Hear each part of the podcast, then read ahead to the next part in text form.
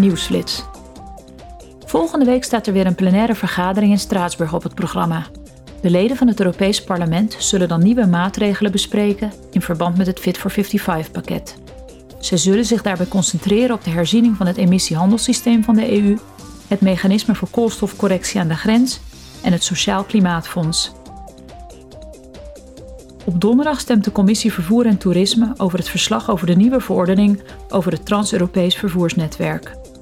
De co-rapporteurs en schaduwrapporteurs van de fracties hebben onderhandeld over een reeks wijzigingen die zijn voorgesteld op deze ontwerpverordening. Op basis van haar verslag zal de Commissie Vervoer en Toerisme waarschijnlijk besluiten of het zin heeft om al met de interinstitutionele onderhandelingen te beginnen.